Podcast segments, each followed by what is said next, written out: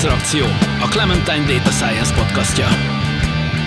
Körmédi György vagyok, fizikusként diplomáztam, aztán adatelemzéssel és gépi tanulással kezdtem foglalkozni. És azt hiszem, ma is így döntenék. Kovács Gyula, Data Science Trainer. Célom az adatelemzési kultúra minél szélesebb körben való elterjesztése. Könyves Tóth előtt vagyok, hivatalosan matematikát, programozást és pszichológiát is tanultam, de az életben azt is megtanultam, hogy a nem hivatalos tanulmányok éppen annyira fontosak.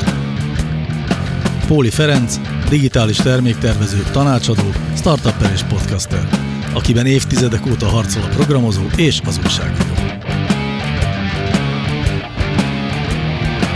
Szervusztok! Újra összegyűlt a nagy csapat. Már megint a mesterséges intelligencia és az adattudomány kérdéseivel fogunk foglalkozni, és ha bár ma lehet, hogy úgy fog tűnni, hogy esetleg nem egészen biztos, hogy csak azzal, de valójában végül megint csak oda fogunk kiukadni, és most, hogy ilyen nyár van, ezért zenélünk, zenés adás lesz, olyannyira, hogy a kezdő kérdéshez fogok is mutatni nektek egy rövid zenei részletet, és majd megkérdezem, hogy mi jut nektek erről eszetekbe, figyeljetek, jön a zene. So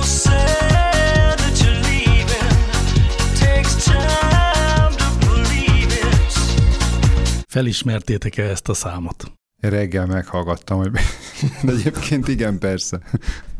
Hát ez az örök fiatal ser. És a Believe. Az örök fiatal ser és a Believe valóban. És ugye ez a szám arról híres, hogy ez volt az első olyan popszám, amiről kiderült, hogy autotyúnt használnak benne, és egy kicsit akarunk beszélgetni az autotyúnról, ugye azért is, mert ugyan abban nincsen semmi mesterséges intelligencia, sem adattudomány, de egy olyan gépi megoldás, ami kijavítja az ember hibáit. Aki igazán híressé tette ezt az egészet, vagy akinél úgy fordult a világ, az T-Pain, egy amerikai rapper, aki hát lényegében így alkotta meg a stílusát, hogy, hogy ő autotyúnt használt, de ne szaladjunk ennyire előre, mert azt még meg akartam tőletek kérdezni, tudjátok-e, hogy hogyan működik az autotune? Tehát hogyan van az, hogy a, amit úgy szoktak megfogalmazni, hogy a énekes, aki nem tud énekelni, az is fog tudni énekelni ezáltal, és hogy mi a technológia mögötte? Igazából nem tudom. Én se tudtam egészen mostanáig. Én tegnap elolvastam, de nem tudom. Tehát nem, nem azzal készültem, hogy ezt nekem kéne elmondani. Nagyon jó. Hát figyeljetek, akkor elmondom én, mert egyébként érdekes, szerintem mindenki, aki egy kicsit is technológia érdeklődésű, az egyébként szeretné tudni, hogy pontosan hogy is van ez a dolog. Nyilván nagyon pongyala lesz az, amit mondok, de valami olyasmiről van szó, hogy ugye az autotune egy adott frekvenciát mindig megpróbál oda húzni, ahova mondjuk neki, tehát hogyha azt mondjuk, hogy ez egy normál zenei á kéne legyen, akkor a 440 kHz-hez próbálja odahúzni, és az a bizonyos autotune hangzás, amit itt az előbb a Believe-ben hallottunk meg, amiről t híres lett, az, az egy ilyen egészen különleges autotune hangzás, amikor is egy bizonyos potmétert, amit az eredeti feltaláló feltalált, vagy hát szóval beletette ebbe a pluginba, azt letekernek egy olyan nullás állásba, amiről soha senki nem gondolta volna, hogy oda le fogják tekerni. És ilyenkor az történik, és ez a, ez a dologban az érdekes technikai részlet, ugye megpróbálja egy szintre húzni azt a frekvenciát a, a rendszer, és aztán amikor hajlít az énekes, akkor ezt a hajlítást egy ideig odahúzza egy adott hanghoz, aztán egy lépcsős ugrás hirtelen a következő félhanghoz fogja húzni, és ettől egy ilyen lépcsőzetes, ilyen, ilyen recsegős hangot hallunk. Ez az, amit hallunk a Believe-ben, meg ez az, amiről T-Pain híres, ez a lépcsőzetesség. Jó, beleugrottunk szerintem. Tehát én egy kicsit így a részleteitről olvasgattam, ha nem mondok hülyeségeket, akkor azt hiszem a, a Fourier transformációhoz is van köze ennek az egészhez, meg, meg, meg Na, csinálta, elő, elődugrásra készen. Csinálta ez a feltalálója egy olyan számítási trükköt is, hogy valami száz paraméter helyett igazából megmondta, hogy mi az a négy, ami a legfontosabb, és akkor azt használták. Igazából ezek aztán ilyen licenszelhető uh, terméké tette ezt az egészet. És hát itt mindjárt az elején nagyon érdekes, hogy ugye majd biztos elmondjátok, hogy a fő felhasználási területe, vagy az, vagy az eredeti szándék szerinti felhasználási területe mi volt, és akkor ehhez képest az első adandó alkalommal, tehát a share-ben is már ilyen ö, nagyon látványosan nem arra használták, tehát hogy csutkáig tekerik a potmétert, és... És, és ezzel egy stílust és, adnak és, neki. És keresnek egy, keresnek egy teljesen olyan felhasználási lehetőséget, amire nem gondolt korábban senki, mert, hogy, mert aztán egyébként meg zömében meg nem erre használják. Egyébként úgy volt, hogy Sernél még nem vallotta be a producer, azt állította, hogy ez valami vocoder pedál volt, ami egy régebbi cucc. Tehát, hogy igazán a típén volt az első, aki ezt így felvállalta, hogy ez nála egy létező. Mondjuk ki a Intézmény. műsor nevét, This is Pop, ahol először találkoztunk ezzel, ez most megy a Netflixen. És egy sorozata a popzene különféle érdekes toposzairól. Én oda vagyok ezért a sorozatért, és én is ott találkoztam először. Én addig nem is hallottam ezt a szoftverről, bár sejtettem, hogy vannak ilyen kütyük. Tehát magát ez, hogy e- autotune, ezt a szót én nem is hallottam. Soha. Ne, tényleg. Soha. E- Akkor ez a műsor meg, utolsóként megérkezett a és ugye ez a műsor táborba. meg csak erről szól. Igen. Ez egy 90-es évekbeli technológia, és egy Andy Hildebrand nevezetű úriember, a, aki korábban szeizmikus adatokat elemzett, és itt, itt álltam meg, hogy emberek, hát adatelemzés, adatelemzés, tehát megint adatelemzés. Semmi köze nem volt a, a zenéhez, a Nem egy könnyű nyári sláger témáról van szó, amikor már nem tudunk magunkkal mit kezdeni, mert annyira meleg ne, van, ne, nem, hanem nem, bírunk, nem bírunk, nem bírunk könnyedek lenni, és nem tudom, láttátok-e a műsort, hogy miért fejlesztette ki. Egy ismerős hölgy, akinek nem volt azért annyira jó hangja, megkérdezte, hogy tud egy olyan szoftvert csinálni, amivel, hogy is mondjuk, kiegyenesíti a hibáit, és ha már megkérték, megcsinálta. Mint kiderült egyébként addig a zeneiparba ebben mindenki belebukott. Viszont a műsorban is jól láthatóan nem kisarcú Hildebrand elmagyarázta, hogy ő csinált néhány bonyolult matematikai problémát, megoldott, és hip-hop, ott is volt ez a szoftver, ami után évekig titkos volt. Tehát a stúdiók ezt hétpecsétes titokként őrizték, hogy innentől kezdve bárkiből jó hangú énekest tudnak faragni, elég, ha jóképű, vagy szép, de nem szükséges az, hogy jó hangja. igen, mert hogy akkor mondjuk ki, vagy akkor én kimondom, hogy ugye, ugye eredendően a serben ott egy szétefektezett dolog volt, meg egyébként ezeknek a korábbi előzményei is, amik ugye voltak, ezek a vocoder, meg a talkbox, ezek, Uh-huh. azok alapvetően egy, egy effektnek tekinthetők. Szemben az autotune az igazi céljával, amire valójában készült, az meg pont a, tökéletesen a másik véglete szerintem ennek a sztorinak, amikor van egy valamilyen esetleges emberi hang, ami nagy Isten nem annyira tökéletesen tiszta, és akkor Hát de tényleg erről van szó, tehát apró elcsúszás. lásd X-faktor. igazából ezt, ezt polírozzák ki, és akkor húzzák oda, ahova annak szólni kell. És emögé egyébként még ilyen racionális indokokat is lehet tenni. Tegyek? Tegyél. Abszolút. Hát, akkor, ö, tehát igazából az a racionális ok, hogy hogyha van egy felvétel, amiben állítólag sok munka van, például mondjuk egy, egy koncertfelvétel, vagy egy olyan helyzet, ami mondjuk ne- nehezen megismételhető, akkor nehogy már azon múljon el a, a, a sikere, hogy mondjuk a, a, az adott énekes vagy énekesnő az nem húzott oda egy C pont a tetejére, és akkor emiatt legyen kvázi értéktelen az a felvétel. Így van, hát illetve az is elhangzott ebben a műsorban, hogy a, az autotune megjelenése előtt is volt ez a jelenség, miszerint az énekesek néha félre énekelnek, csak ezt korábban úgy oldották meg, az volt a előző, vagy a manuális autotune, hogy egy énekes 50-szer énekelte fel ugyanazt a dalt, és az 50-ből kivagdosták mindig a megfelelő részeket, ahol tiszta volt, és azt rakták össze, tehát azért ez korábban is létezett, hogy, a, hogy az énekest a stúdióban igazítják, vagy, vagy hát hogy mondjam, a legjobb verzióját használják. Az autotune ezt az időt lerövidítette. Nem is kicsit. A műsorban elhangzott, hogy korábban egy hét volt egy felvétel, és ez lerövidült fél napra, ami a költségeket nézve drasztikus megtakarítás volt. Egyébként el is hangzott egy név. Egy zenei producer elmondta, hogy ki volt minden idők legjobb zenésze. Nem tudom, emlékeztek-e rá. Na, na. David Bowie. Ő 95%-os hatékonysággal dolgozott, tehát 20-ból 19 felvételéhez nem kellett hozzányúlni. Ellenben a beatles ahol voltak gondok. Hát ahol sokszor kellett felénekelni a, a szólamokat, és David Bowie a lemez 95%-át elsőre felénekelte, és els, az elsőt megtartották. Igen. Ez Mint a volt. kenegettek. Na de miért hoztuk mi ide az autotune ebbe a műsorba, ahol azért alapvetően nem a technikai megoldásokról beszélgetünk, vagy szóval, tehát ebben nincsen mesterséges intelligencia, de a zenében manapság bizony nem kevés mesterséges intelligencia van, és ami miatt mégiscsak érdekes nekünk az autotune, hogy azért azt hajlamosak sokan úgy kezelni, hogy az csalás. Az autotune az a dolog, amikor az énekelni nem tudó, csinos pofikájú versenyzőkből jó énekest csalunk össze a technológia segítségével. Az autotune a zenének a plastikai sebészete. Nekem ez nagyon szép hasonlat való. Szép hasonlat való. Van, akinek ugye abszolút hallása, van, akinek abszolút nincs hallása, tehát mindenfajta technikákat a történelemben kitaláltak, hogy, hogy hogyan lehetne ezen javítani.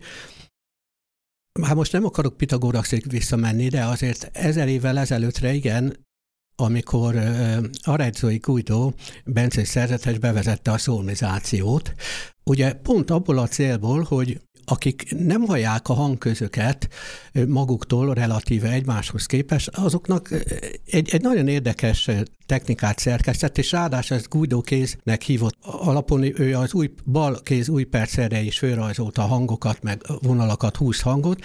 Egy dallamot is szerkesztett hozzá, amit egy még régebbi, egy, egy Pál Diakonus nevezetű keresztelő Szent Jánoshoz való himnuszból írt át, tulajdonképpen a, a gregorián énekeseknek egy reketség elleni imáját, imájához tett egy dallamot, ahol minden hang egyel feljebb kezdődött, és ebből lett a szomizáció. Egy kicsit a tisztelet jelejül hadd énekeljem el ezt a dallamot arra kell itt figyelni, hogy minden sornak a, a, az első hangja egy hanggal fejbe kezdődik, és az a szótaggal, amiből a szomizáció lett. Kivéve az első, a, a do helyett az ut. Ut queant laxis, resonare fibris, mira gestorum, famulitorum, solve polluti, Labireatum Sante Johannes. No, tehát ebből lett a szomizáció, és ez, ezt az egészet egy kicsit igazán én azért akarom felhozni, mert nehéz ezt megfogalmazni. Nem azt akarom mondani, hogy káros következményei vannak, hanem egyszerűen mondjuk úgy, hogy következményei vannak. Mégpedig elég súlyosak. Ugyanis itt lefixáltak hangokat, hangközöket, aminek a következtében pontosan olyan értelemben, mint, hogy a, mint, mint Nikolás Kára, hogy a sekélyesek kora könyvében írja, tehát gyakorlatilag az európai ember el is veszítette azt a képességét, hogy olyan hangközöket halljon, és olyan hangközökkel operáljon, amivel régebben operált nem minden néppel történt ez, mert például emiatt Európában az egész és a félhangközöket még érzik a fülek, de a negyed hangközöket nem nagyon, és például a kínaiak azt is érzik. De az európai fül ezt nem tanulja meg, úgymond nem szocializálódik rá az agya, hogy ilyeneket halljon. Emiatt most kérdés, hogy miből maradunk ki ezáltal. Vagy mit nyerünk ezzel. Igen, vagy mit nyerünk, mert nyerünk, tehát, ink, tehát azért mondom, nem akarom negatívan fogalmazni, hanem úgy, hogy következményei van ennek, és itt kapcsolódok a, a témánkhoz, tehát ahol ezek a hangoló programok vannak, mert ezek is gyakorlatilag beszabályozzák európai fül számára szabályosnak érezhető tartományba a zenét, amiben van egy olyan fajta mesterségesség, amire ezt így finoman így fogalmazom, hogy ennek vannak következményei. Különben van egy elég híres ilyen világot járó Duncan Lorien nevezetű muki, zenetörténész, zenész, aki a zene megértése szemináriummal járja a világot, egy négy napos, elég drága Magyarországon, itt 70 ezer forintot kellett fizetni egy négy napos ilyen tanfolyamára, és ő gyakorlatilag a zene megértése címen nagyon sok minden dolgot állít. Gúnyolják őt nagyon sokan, mint hogyha elárulná a zenét, meg azt állítaná, hogy mindenkiből Mozartot farag négy nap alatt. Nem, ő persze tett ilyen állításokat, hogy, hogy a Mozart is használt a zeneszerkesztésében a klasszikus zenének a szabályait, Persze ő attól még zseni volt, attól, hogy alkalmazott szabályokat a zene meg a kísérlet szerkesztésben. De most ez a Duncan Lorian, ez megtanítja ezeket a szabályokat, és olyan fajta magyarázatokat ad, amiket szolféson senki nem szeretett, és amelyeket még akár zeneakadémián is tanárok ne, nem hallottak, hogy nagyon meglepő dolgokat tud mondani, hogy hogyan alakultak ki a zenei lejegyzés, a koták, és ugyanakkor azt is állítja, Persze ez, ez vitatható nyilván, hogy a zenéhez nem kell tehetség, tehát hogy bármelyik életkorban elkezdhető és fejleszthető, és ezt be is mutatja, minden szemináriumon felállít valakit, azzal a hívószóval, hogy, hogy aki úgy gondolja magáról, hogy, hogy nagyon rossz hallása van, semmilyen hallása nincsen, nagyon hamisan énekel, jöjjön ki, és ő tényleg néhány perc alatt érdekes technikával, tiszta és, és érdekes hangot hoz ki az illetőből, ezt én magam is láttam különben, Na most ez azért mondom hozzá ezt a kis történeti eh, dolgot ehhez az egészhez, mert tehát ez úgy kapcsolódik a témánkhoz, hogy ugye ennek a fajta technikának vannak következményei, mert ezáltal bizonyos típusú szabályosságra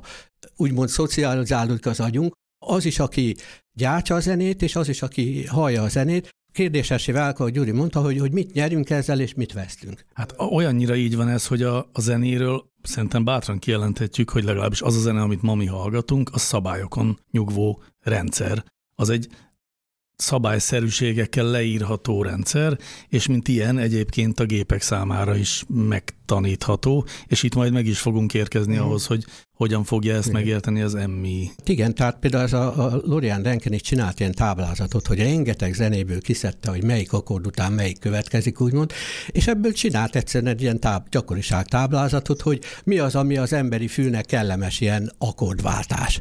Ebből csinált ilyen táblázatot, és az ő szemináriumán az utolsó nap ilyen táblázat, meg más szabályok segítségével mindenki mesterségesen zenét szerez. Tehát tehát tulajdonképpen mindenki saját magát futtatja, mint mesterséges intelligenciát, bizonyos ilyen szabályszerűségek által, és zenét csinálnak. De ez egyébként eltér bármiben attól, amit a zenészek, meg a zenészek ilyen, vagy jazz zenészek akár ilyen akkordmenetekben uh, tanulnak, meg, meg csinálnak? Mert szerintem valószínűleg nem. Tehát pont azért ez egy kicsit önbeteljesítő is, de tehát annyit tudunk, hogy ezek a zenék ugye eltérnek egyrészt, tehát, tehát a népzenéket azért ismerjük. És azért a népzenékből is az látszik, hogy van ilyen negyedhangos, meg egyéb történet, de egyébként azért az, hogy jellemzően valamilyen módon kvantált a, a, a zenei skála, azért az jellemző, és mondjuk az ilyen pentaton, meg egyéb sztorik is arra utalnak, hogy, hogy azért ez a 12 fokusság, ami azért az európai zenének az alapja, azért ez nem egy teljesen légből kapott dolog. Tehát így ezt azért a kategorikusan ar- Arazai Gidóra, vagy, vagy akár melyik ilyen korai zenei elméletalkotóra húzni ezt a, a dolgot, hogy miért van 12 fokuság, ez szerintem ez, ez, ez, ez erős. Tehát, hát ez a temperát hangzás csomó... miatt van igazániból. Igen, de hogy, a, de hogy egyáltalán a, jó, most akkor maradjunk a, a, a, a, A FISZ meg a GESZ az nem ugyanaz. De, igen, de egy igen. pillanat, itten, hadd szúrjam közben, hogy nekem Igaz, ez nem egy tudományos és statisztikai érv lesz, amit most mondok, de nekem egy személyes élményem van ezzel kapcsolatban. Én először hegedülni tanultam, és a hegedűn ugye nem temperált hangzat van, mert tudom a fiszt magasabban fogni, mint a geszt. És én ezt ösztönösen nyilván így csináltam, és számomra szenvedés volt, amikor zongorával kísértek hegedűt. És ez a fajta szenvedés akkor múlt el, amikor körülbelül olyan 18-20 éves koromban gitározni is kezdtem, ott már temperált hangolása van ugye a gitárnak, ott érintők vannak, és körülbelül 10 évnek kellett ahhoz eltelnie, hogy én ne halljam hamisnak ezt a temperált hangzást, és ne szenvedjek attól, amikor zongorán kísérnek hegedűt. Tehát én személyesen átéltem azt, hogy, hogy érzek többet a hangokból, de ezt a fajta szemletemet elveszítettem azáltal, hogy gitároztam, kicsit zongorázni is próbáltam, és elvesztettem az érzékenységemet. Lehet. Tehát, tehát ezt elfogadom előtt. A, én annyit teszek ehhez, hogy nekem például sose volt ilyen típusú érzékenységem. A zenéhez kevésbé értő hallgatóknak azt mondjuk el, hogy a FISZ meg a GESZ, az ugye a zongorán ugyanaz a fekete billentyű, az F és a következő hang a G közötti félhangról beszélünk, ami a zongorán ugyanaz, tehát a FISZ az a F plusz egy félhang, a GESZ meg a G mínusz egy félhang. Bocsánat, az lábjegyzet fontos volt, de most Gyula következik. Én meg szeretnék most már nem a zenéről beszélni, konkrétan a Fiszről, Geszről. Olyan értelemben örülök, amiket mondott az előtt, hogy az egyik gond azzal, hogy bejött a mesterséges intelligencia zene írásba, illetve kiavítjuk a hamis hangokat, most már azt is mesterséges intelligenciával, nyilván autotune mellett biztos megjelent rengeteg egyéb szoftver napjainkban. Az egyik polémia, ami nagyon-nagyon gyorsan előjött ezekkel a technológiákkal szemben, hogy azok is zenélnek, zenélhetnek, azok is megjelenhetnek a médiában, akik nem raktak bele 20-30 évet. Az az ezer év, amiről beszéltél előd, az arról szólt, hogy az zenélhetett, aki belerakott gyerekkorától 20-30 évet abba, hogy megtanulja az alapokat, az akkordokat, a hangszereket, és onnantól jelentkezhetett, hogy egyáltalán én zenész vagyok.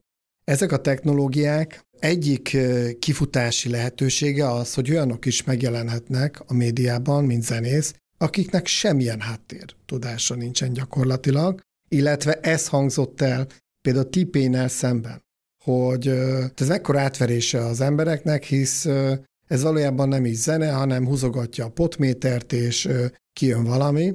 Csak halkal jegyzem meg, hogy amikor a t kicsinálták Amerikában, és ő depresszióba zuhant, csinált egy könyvtárkoncertet teljesen akusztikus hangszerekkel, és kiderült, hogy ő neki nagyon jó hangja van, nagyon jó előadó, nagyon jó művész, és onnantól kezdve újra felemelték, hogy ja, ja, ha egyébként tud zenélni, akkor akár lehetsz is egy elismert zenész, és nem fogták fel, és itt jön a másik lehetőség, hogy hol a határ, hogy én most csalok, és valójában mesterséges intelligenciát arra használom, hogy a nem létező képességemet, kvalitásaimat kipótoljam, és ne vedd észre, hogy én nem tanultam 20 évig, vagy meglátom a lehetőséget a technológiában, hogy egy újszerű zenét hozzak létre.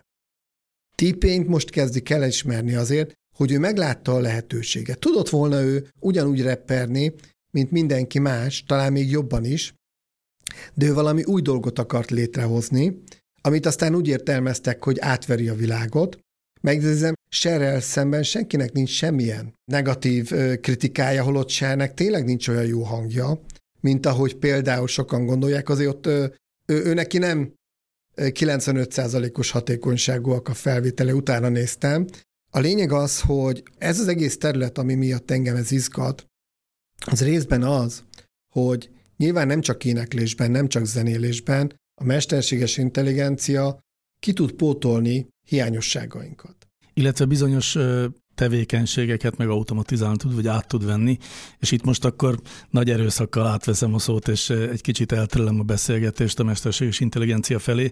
Két dolgot akarok nektek elmesélni, az egyik az egy Alex da Kid nevű fickó, aki egy amerikai zenész, és aki egy projektet csinált, az IBM Watson-t egy, használta egyébként hozzá, tíz év slágereivel tanította fel a watson és aztán ebből csinált egy számot, azt kereste ebben a projekttel, hogy mik azok az akkordok, amik jók azok után, uh-huh. mik azok a zenei petternek, amik, eh, amik tetszenek az embereknek. Ebből lett a Not Easy című szám, amit nem tudom, hogy ismertek-e, ha nem hallgassátok meg.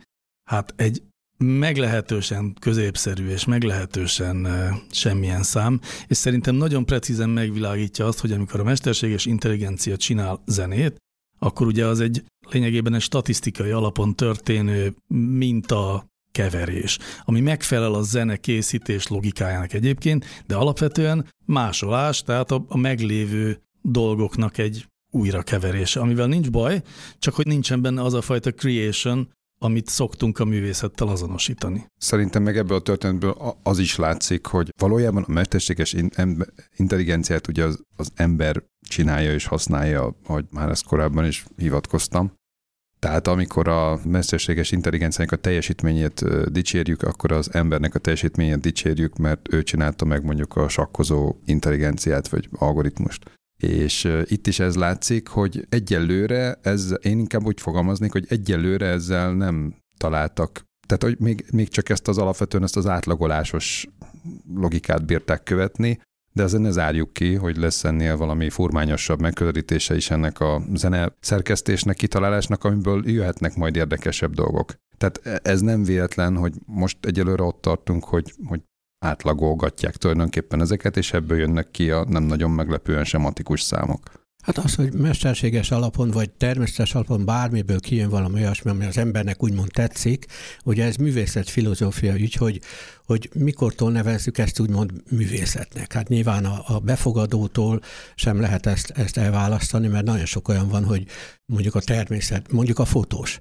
Mi nevezik az, az, az művésznek? Hát amit lefotóz, hát azt nem ő csinálta. Tehát hát nyilván az ő szemlélete, meg, amit, meg ahogy ő azt látja, azon keresztül lesz ez művész. És nyilván, hogyha mesterséges intelligencia majd valamit így úgymond művel, illetve amit az ember eszközként művel vele, abból is, ami keletkezik, ahhoz lesz egy befogadás, ami az, hogyha szépnek és kívánatosnak találja, lehet, hogy azt is mondja rá, hogy művészi. Igazából ez egy nagyon érdekes dolog, mert itt belemegyünk az ízlés kategóriába is. Például van a trash metal, ami egy kívülálló számára egy minden szám egyforma. Tehát egy kívülállót mondok. Tehát itt látom, vannak, akik nem értenek egyet vele. Nem tudom, tudjátok, hogy van-e olyan YouTube csatorna, hogy napi 24 órában mesterséges intelligencia által generált trash metal számok mennek. Éjjel-nappal. Most már tudjuk. És mostantól és működik. nálam mindig ez fog és szólni. Működik. És, ja, ott nincs, és ott nincs, hiányérz, ott nincs hiányérzete a, a trash metal rajongóknak, mert ami kell a trash metalból, azt tudja a mesterséges intelligencia is.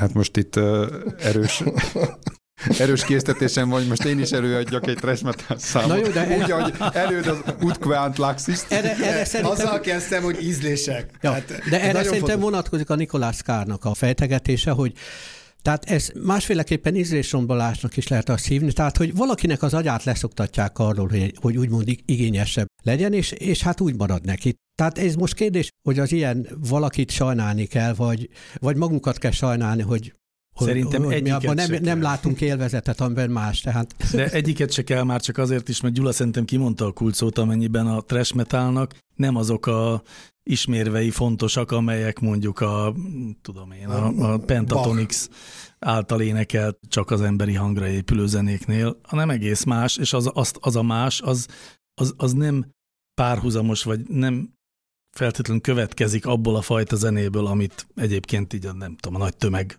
elfogad. Szóval, tehát, hogy az könnyebb generálni, azt értem, de ugyanakkor most már vannak olyan szolgáltatások, amikkel lehet zenét generáltatni. Kettő ilyen híres is van, az egyiket Évának hívják, AIVA az írásmód, de Évának kell mondani, és ott megadhatsz tempót, egy hangnemet, stílust, host, és akkor generál zenét. Egyébként az Ampere Music ugyanezt tudja. Én mind a kettőt kipróbáltam az elmúlt napokban. Na. Mert ugye az egy kérdés is tulajdonképpen, hogy ezek, na de ezek jó zenéke. És hát ugye mind a kettő azt mondja, hogy ezek olyan fajta zenét állítanak elő, ami aláfestő zeneként tud működni, live-ben tud szólni, a videód alá be tudod tenni, a podcastodban fel tudod hmm. használni. Ugye ezek garantáltan jogdíjmentes, hiszen egyedi zenék, nem szerepelnek sehol.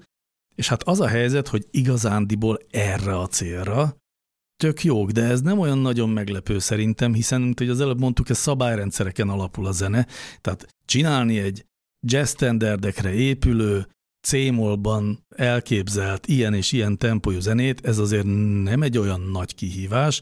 Ha 30 ilyet kell csinálni, és abban variációknak kell lenni, az se olyan nagy kihívás, hiszen a szabályok adottak. Sőt, annyira, ugye Lord Byron az egyik legnagyobb angol költőnk a lánya, Ada Leveles, tehát akkor, amikor még számítógép nem is volt, mert lehet, majdnem lehetett volna a Bebicsnek számítógépe, amit ugye az Ada Leveles ismert, és azon differenciál egyenlet megoldó programokat ő már írt, pedig még nem létezett, de, de ő már a leveles ezeket leírta például, hogy valaha majd a gép úgymond finom zenéket is tud majd szerezni, de ugyanakkor azt is leírta, hogy soha nem lehet neki szándéka, és nem tud úgymond újat alkotni, mint a, a, az ember. Mert mondtad, hogy hát nincs ebbe semmi olyan nagy különös, de mondom, tehát, tehát ad a leveles, akkor, amikor még számítógép se volt, ezeket már mind meg is fogalmazta, és úgymond megjósolta. Valószínűleg nem is történt sok minden azóta, mert persze technikailag nagyon nagy a fejlődés, de azért még mindig az van, hogy van az ember, aki csinál a zenét, és az ember többnyire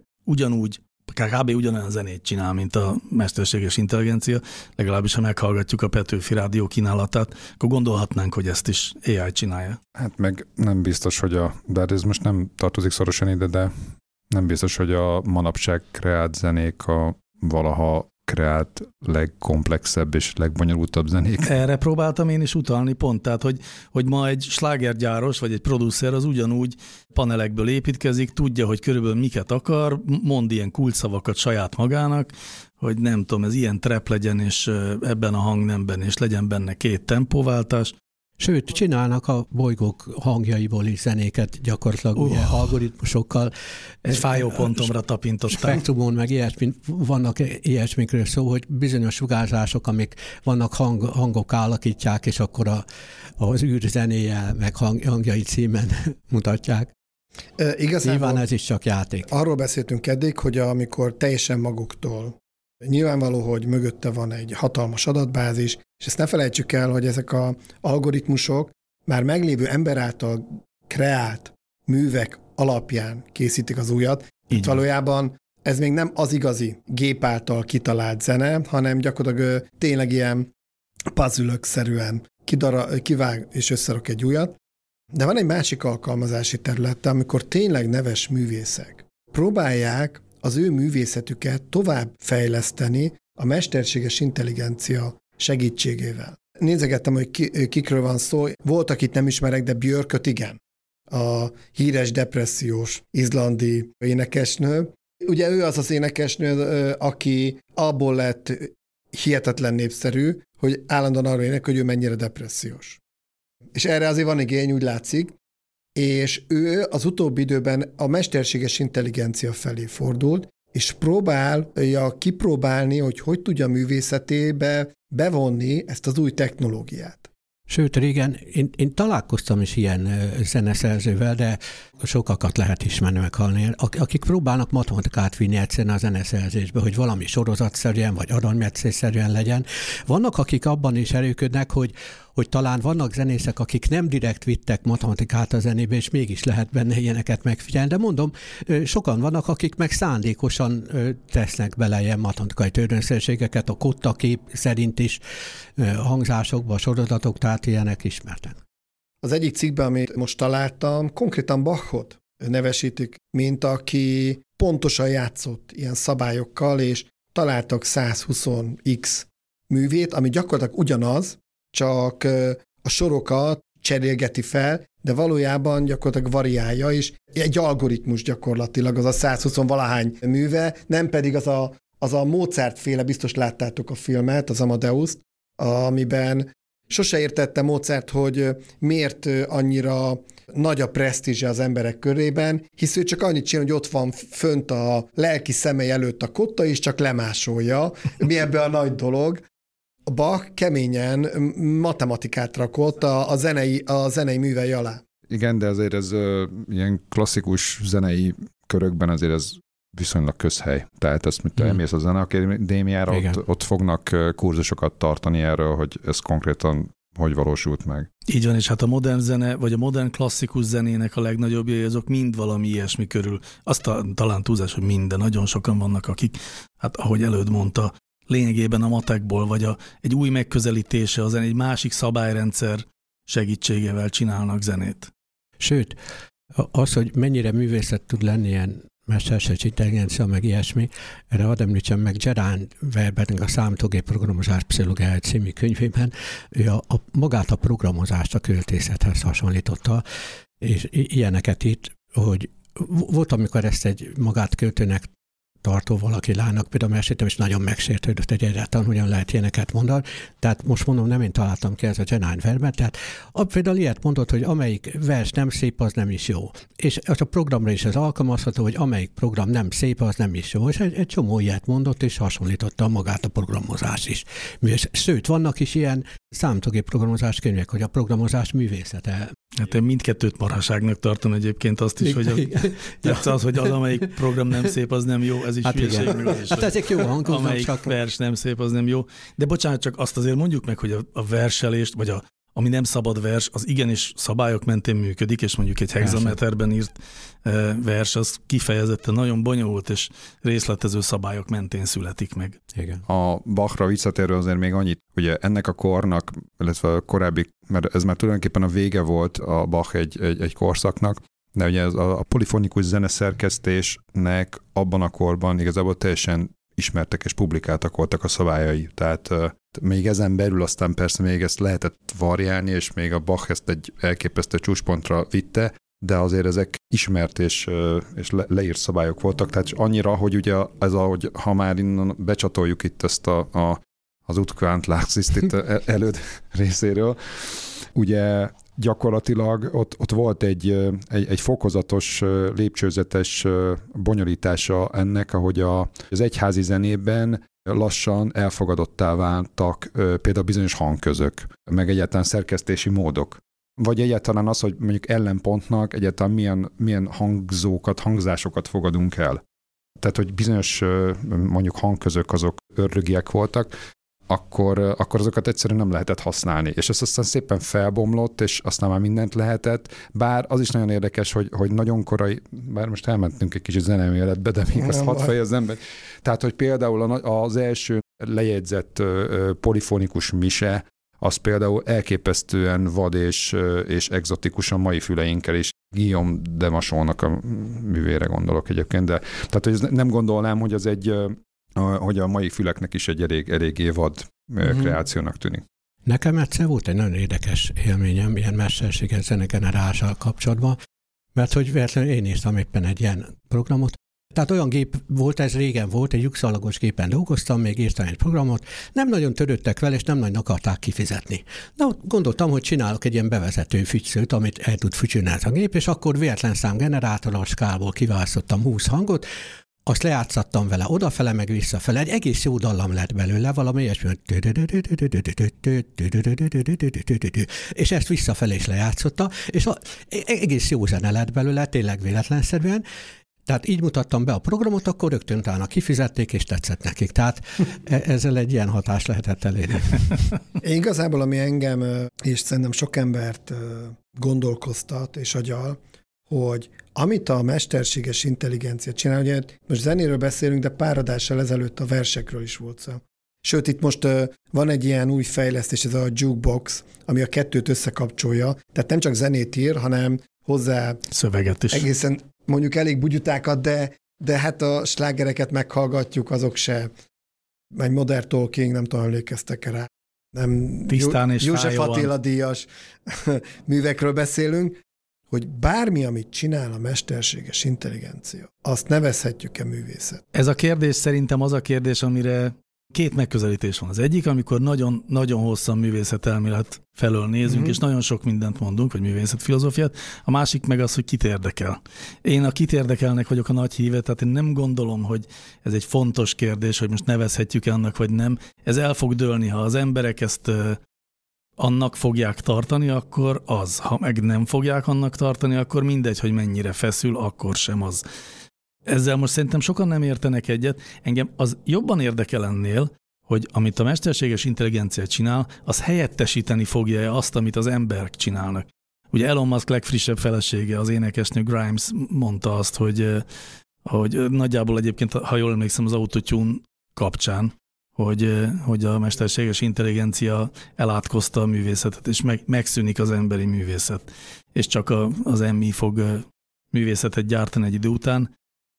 Szerintem ennek az ellenkezője fog történni. Én is tehát, pont az ellenkezőjében Tehát ugyanúgy, mint ahogy az ember a mesterséges dolgokkal kapcsolatban éppen, hogy felfedezi még jobban az emberi mi volt, tehát ugyanez lesz ezekben a művészet, mesterséges intelligencia által generált úgynevezett művészi ügyekben is. És valahogy egyébként mindig ebbe futunk bele, és most már sokszor beszélgettünk sok különböző területről, hogy amit a mesterséges intelligencia kreál, legyen az vers, szöveg, művész ö, hajlamokkal megáldott zenei próbálkozás, az mindre a, a, arra jutunk, hát jó, jó, tényleg olyasmi, de azért ott az Uncanny ott a majdnemság, és ott van az, hogy ez valójában egy kicsit bugyuta, vagy olyan ismerős. Nyilván ez egy csomó helyre elég, és megfelelő, de van, de tehát pont azt, amit az ember visz bele, azt a mesterséges intelligencia természeténél fogva nem tudja belevinni. Legalábbis nekem ez az elméletem, nem tudom, ti egyetértetek hát, vele. Erről volt szó többször,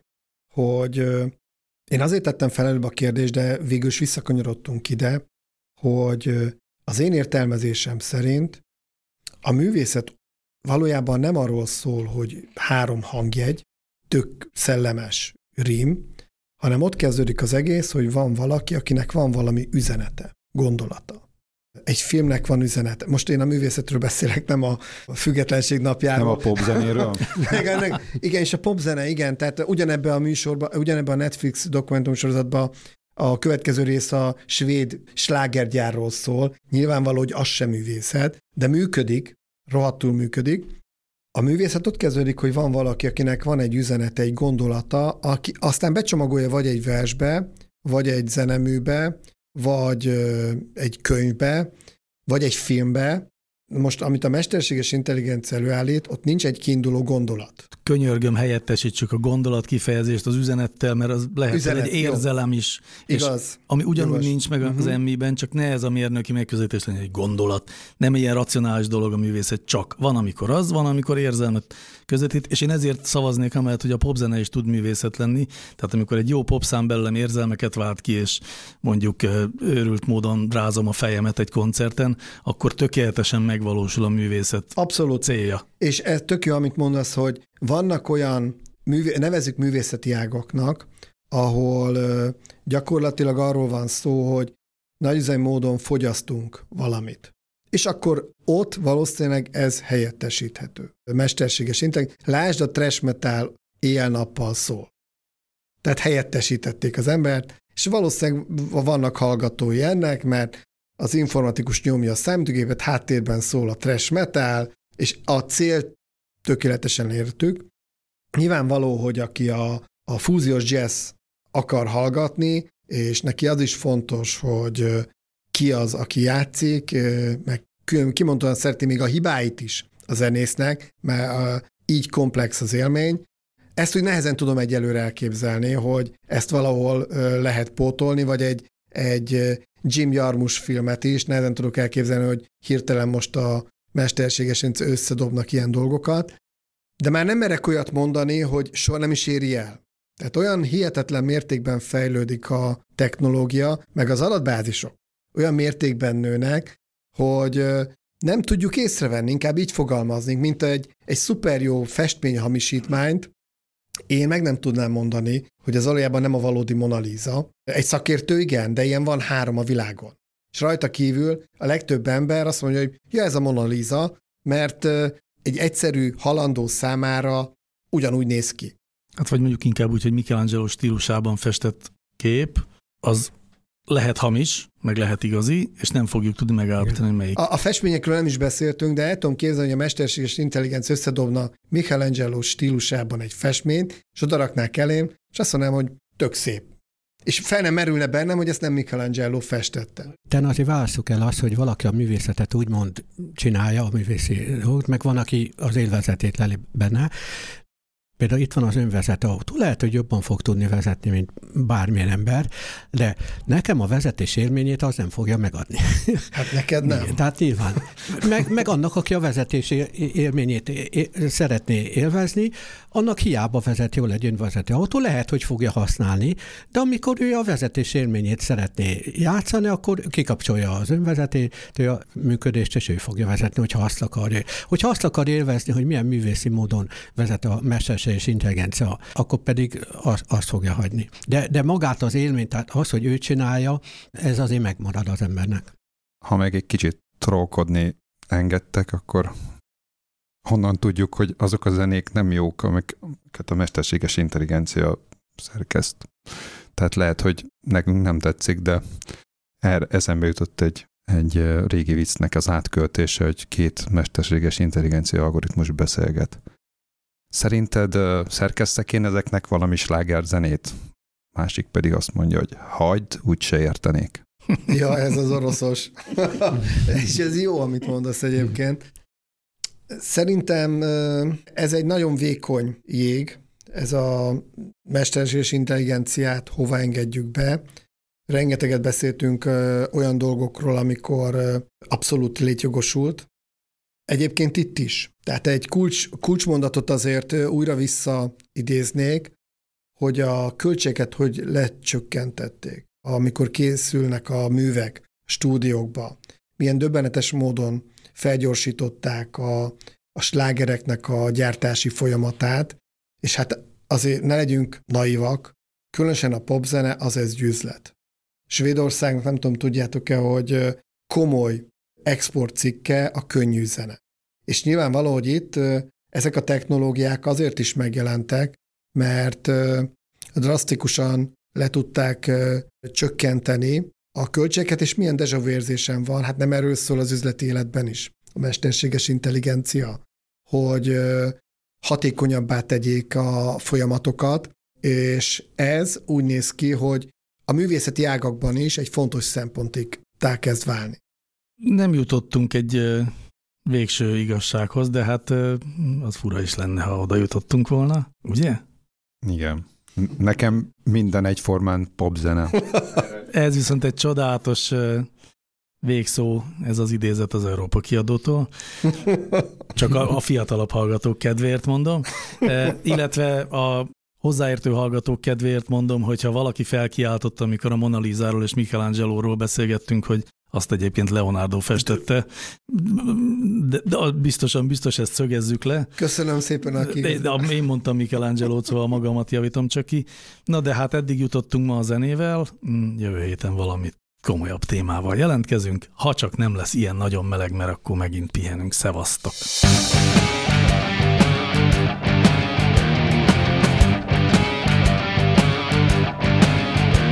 Láncreakció, a Clementine Data Science podcastja.